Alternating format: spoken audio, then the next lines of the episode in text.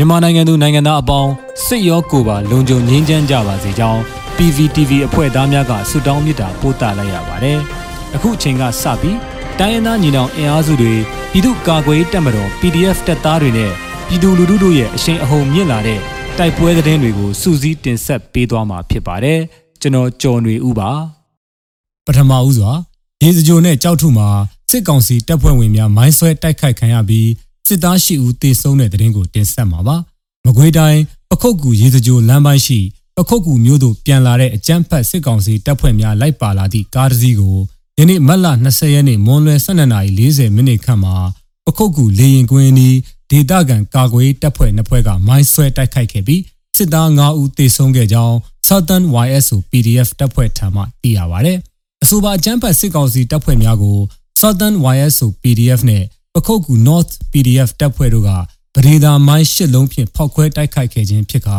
စစ်သား9ဦးပွဲချင်းပြီးသေဆုံးခဲ့ပြီး2ဦးပြင်းထန်ဒဏ်ရာရရှိခဲ့ကြောင်းသိရတာပါ။အလားတူမကွေးတိုင်းပခုတ်ကူကြောက်ထုလမ်းပိုင်းမှာအကြမ်းဖက်စစ်ကောင်စီခြေလျင်စစ်ကြောင်းကိုမတ်လ18ရက်နေ့ည7:30မိနစ်မှာ People's Defense Force ထီလင်း Your Region တပ်ဖွဲ့ကမိုင်းဆွဲတိုက်ခိုက်ခဲ့ပြီးစစ်သား3ဦးသေဆုံးခဲ့ကြောင်းသိရပါတယ်။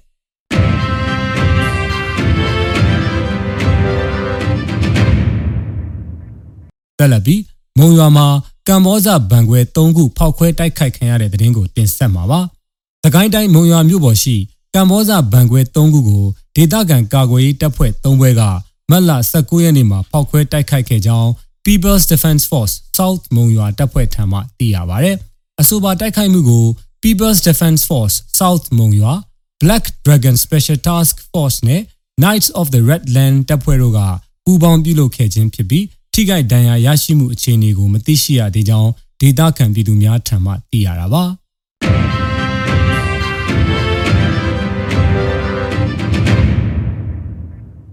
နောက်ဆုံးအနေနဲ့အမျိုးသားညီညွတ်ရေးအစိုးရပြည်ထရေးနဲ့လူဝင်မှုကြီးကြပ်ရေးဝန်ကြီးဌာနက2022ခုနှစ်မတ်လ20ရက်ရက်စွဲနဲ့ထုတ်ပြန်တဲ့ပြည်သူခုခံတော်လှန်စစ်တရင်အချက်လက်တွေကိုတင်ဆက်ပေးသွားမှာပါ။အာနာသိန်းအကြမ်းဖက်စစ်အုပ်စုရဲ့ပြည်သူလူထုအပေါ်အကြမ်းဖက်ဖိနှိပ်ဖန်ဆီး တိုက်ခိုက်တပ်ဖြတ်နေမှုများကိုပြည်သူလူထုတရက်လုံးကအသက်ရှင်တန်ရေးအတွက်မိမိကိုယ်ကိုမိမိခုခံကာကွယ်ပိုင်ခွင့်အရာပြည်သူခုခံစစ် People's Defensive War ကိုဆင်နွှဲလျက်ရှိပါတယ်။တရင်အချက်လက်များအရ